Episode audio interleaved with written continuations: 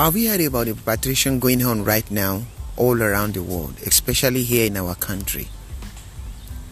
It's real and it is something I think we should all give attention to. Among the race of countries that have been repatriated back to their country, the largest population are the Indians.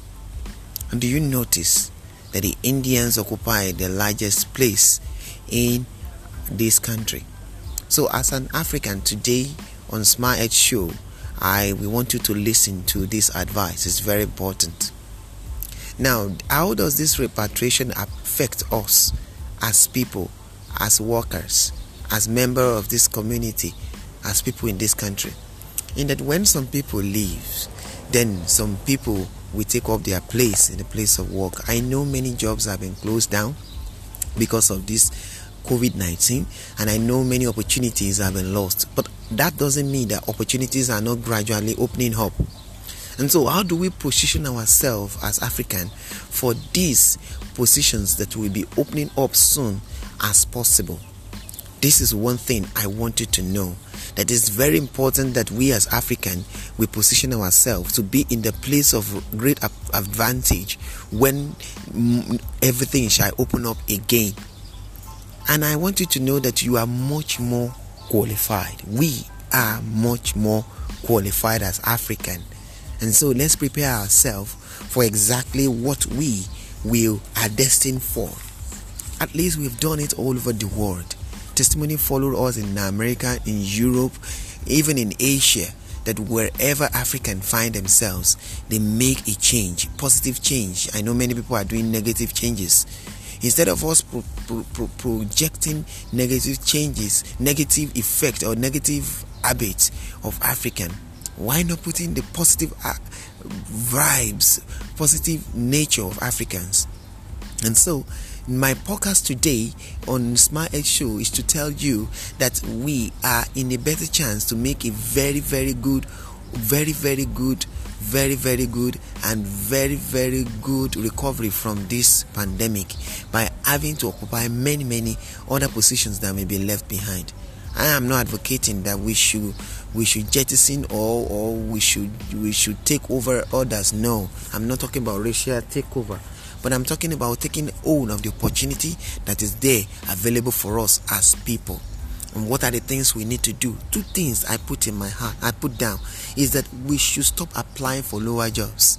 We are not meant for the mania jobs.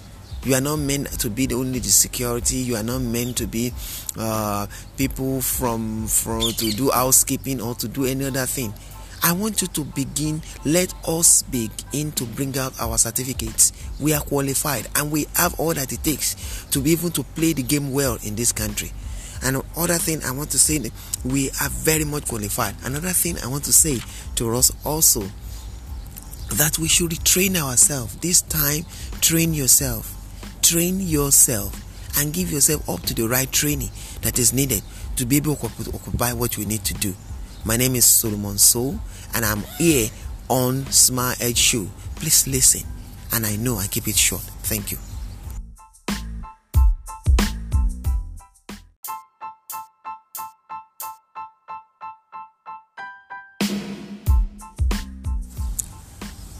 How long do you want to stay in this country? Check your bank accounts. Check your investment. Check what you have achieved. Are you sure you are better than those you left behind at home?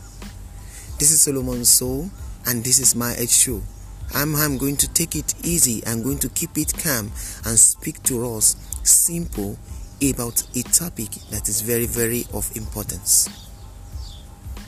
What we are going to be discussing today is about our focus and focus for coming into different countries we might have traveled to.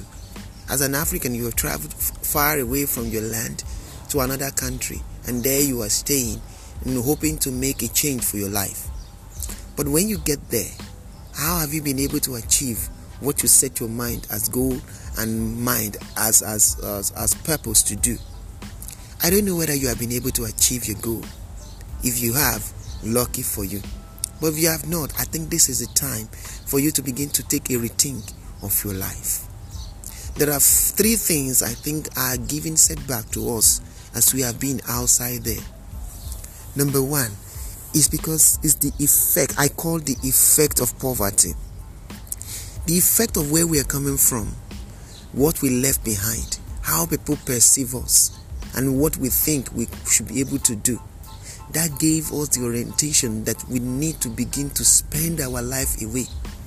I want to tell you, no matter how small the amount of money you earn now, it doesn't mean that you cannot get rich with it. That is why you check your account. You can't find any money. Why? Because you have been living with the impression that you want to get better, you want to eat better. And that is why many of us are having life that is of sickness. Many of us develop many sickness because we are not living, living healthy. We thought we are living healthy, but we are not living healthy. Second, I want you to know also that our pleasure gauge is higher than our income gauge. What do I mean? The pleasure stroke income gauge, according to me, is that when you begin to balance your life and you see that your pleasure life is higher than your income life, then there is a problem. You take more of alcohol than what you get in. You go to enjoy and travel to different places than what you're having as income. Then you have a problem. You cannot make it as you are supposed to make. Number three, they vibe to impress others. You come to this place, you feel if you don't have car yet, even that you cannot afford it, then you are yet to be a man. You feel if you cannot impress that guy, then you are yet to be a man. I want you to know that this is the thing that is destroying us as people. The man from home. You want to impress them both here and at home. And you should be candid with yourself. Let's be candid with ourselves. Are you really making a head forward? Do you think it's witchcraft that is chasing you? Or it has to do with something about your life? If, as an African, we will make a change and we will make a difference in wherever we go and we become what we are expected to be, I'm expecting that we, as people, should make a change now by rethinking us our way of life. This is just Solomon Soul, and this is my Smart Edge Show. I'm speaking to you right from the art of the talk of my studio. Please let's make a change. Thank you.